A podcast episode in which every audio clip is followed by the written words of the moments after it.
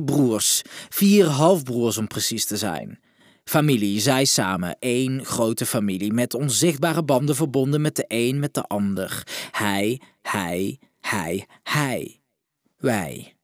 Vier mannen, vier levens. Verwoven met elkaar, door elkaar. Haat, nijd, liefde en tegenopgekijk, alles was waar. Niks was waar. Zij waren het speelhuis. Zij bouwden het speelhuis. Elk een ander leven, elk een ander verhaal, elk een andere moeder. Vier halfbroers, één de ijdeltuit. In de schittering van de spiegel staat hij daar. Een ijdeltuit omringd door zijn eigen waan. Verliefd op zijn reflectie, trots als een pauw, verguld met zijn eigen beeld, zo vol zelfvertrouwen. Maar achter het masker van zelfbewondering verbergt zich een onzeker hart vol verwondering. Zo verlangend naar bevestiging en applaus. Maar zichzelf niet kennend, een vreemdeling in zijn eigen huis, o ijdeltuit, zie de schoonheid die binnenin schuilt. Niet slechts de façade, maar het ware zelf onthult. Vind trots en vreugde in wie je werkelijk bent. En laat de spiegel aan zijn valstrik achter je, mijn beste vent. Hij. Voor de spiegel. Nog één laatste blik om goed voor de dag te komen. Zijn moeder staat achter hem en strijkt door zijn donkere haar. Zij in kannen en kruiken, dus haar zoon ook. Ze grinnikt. Een zoon van zijn moeder. Opgegroeid in een wereld waar voorkomen gold als het ultieme doel. Zijn kleding, net en van mooie stof. Zijn manieren tot in de puntjes voorbereid. Geoefend en uit de boeken. Een echte Franse heer. Een echte zoon van zijn moeder. Frederik Hendrik heette de jongen. Zijn vader kennen we allemaal, de befaamde Willem van Oranje. Hij overleed in het jaar dat zijn laatste kind, zijn jongste zoon, geboren werd. Een herinnering aan zijn vader had Frederik Hendrik dus niet. Dat kon ook niet dus. Hij was veel te jong.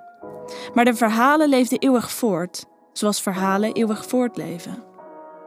De overlevering, van de een op de ander, misschien hier en daar wat beter, wat intenser, wat grappiger of bijzonderder, misschien wel slechter.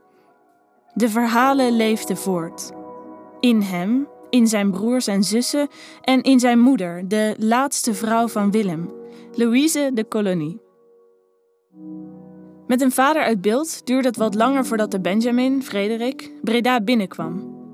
Eenmaal hier aangekomen nam zijn oudere halfbroer hem onder zijn vleugel.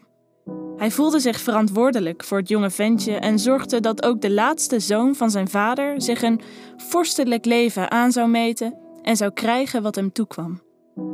Maar ondanks Maurits' goede bedoelingen met Frederik was het geen hele liefdevolle opvoeding die hij genoot. Een militair zou hij worden, zo succesvol als, of nog wel succesvoller dan, zijn oudere broers. Een stedendwinger genoemd. Een titel die hij verkreeg om zijn vele belegeringen en terugnamen van verschillende ingenomen steden die tot de Republiek der Zeven Nederlanden zouden gaan behoren. Maar zo structureel en geslaagd was hij niet altijd geweest, want ook de titel player, ja, die ja, overal nergens gelikt alle vrouwen om zijn vinder wenden voor het genot, voor plezier, die ja, was hem ooit met een reden gegeven. Dat kwam wellicht door zijn moeder, die hem vroeger liefkozend of gekscherend, wie zal het zeggen, mooi Heintje noemde. En erop stond dat de gehele hofhouding deze naam gebruikte als ze het over haar kleine Frederik hadden. Capsones had hij genoeg. Dat maakte hem zelfverzekerd.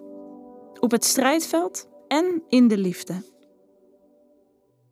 Het beleg van Breda was een dieptepunt, een nederlaag. Bijna een vernedering voor de jonge strijder. De stad die hem toe zou komen werd bezet gehouden en moest zich, ondanks verschillende pogingen tot bevrijding, overgeven. De sleutel werd overgedragen en Frederik liet het voor wat het was, althans voor nu. Hij had iets anders aan zijn hoofd, want tegenslag na tegenslag, Murphy's Law, namelijk zijn grote voorbeeld kwam ten val. Maurits overleed. Zijn vaderfiguur, De man die hem opvoedde en die hem alles had bijgebracht om de geslaagde heer te worden die hij op deze dag was. Hij kon dan ook niet anders dan de laatste wens van zijn broer in vervulling laten gaan. Krijg een vrouw, zorg dat onze naam blijft bestaan. Krijg een vrouw, trouw. Hij moest aan de vrouw, zorgen voor nageslacht. Frederik erfde alles van zijn Maurits, maar alleen als hij beloofde de familielijn voor te zetten. Zijn status als rokkenjager werd geschiedenis en hij trouwde. Hij kreeg kinderen. Hij deed precies wat van hem verwacht werd en meer. Frederik en Amalia brachten een zoon en vier dochters op deze wereld, alles speciaal op een eigen manier. Kinderen uit een goed huwelijk, met liefdevolle ouders, beide met een goede achtergrond. Hun moeder sterk, een vechter en een verantwoordelijke vrouw. Hun vader een stedendwinger en zoon van Willem van Oranje. Zij waren een team en voor hun kinderen deden ze alles. Ze kregen het voor elkaar om voor elk van hun kinderen een voornaam huwelijk te regelen. Ze trouwden hun oudste dochter met Mary Stuart, prinses van Engeland, en trouwden hun dochter Albertine met een Friese stadhouder. Niet zo speciaal die laatste, zou je denken, maar het achterkleinkind dat hieruit voortkwam zorgde voor een directe lijn van Willem van Oranje met ons huidige koninklijk huis. Frederik herpakte zich na de dood van Maurits vrij snel en met zijn vrouw aan zijn zijde werd hij een nog sterker man.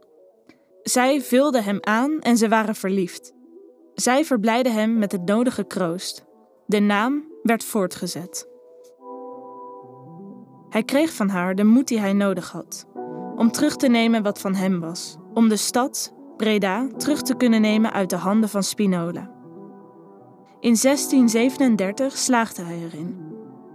Zijn stad was weer van hem. De stedendwinger sloeg opnieuw toe. Hoppa, gewonnen! Dit keer op eigen land, in eigen stad. Hij keerde terug naar de plekken die voor hem belangrijk waren. Waaronder zijn geliefde speelhuis. Het huis dat Maurits had gebouwd en waar zij samen een liefde voor jagen ontdekten. Waar hij zijn talent ontwikkelde en waar hij leerde om met een geweer om te gaan. Zijn thuis was weer van hem. Hij voelde de trots van zijn familie stromen. Wat zullen zij trots zijn op hun jongste broer, die nu zijn kinderen voorstelde aan het meest gewaardeerde erfgoed van de familie Nassau van Oranje: het speelhuis. Hij kon zichzelf weer aankijken in de spiegel.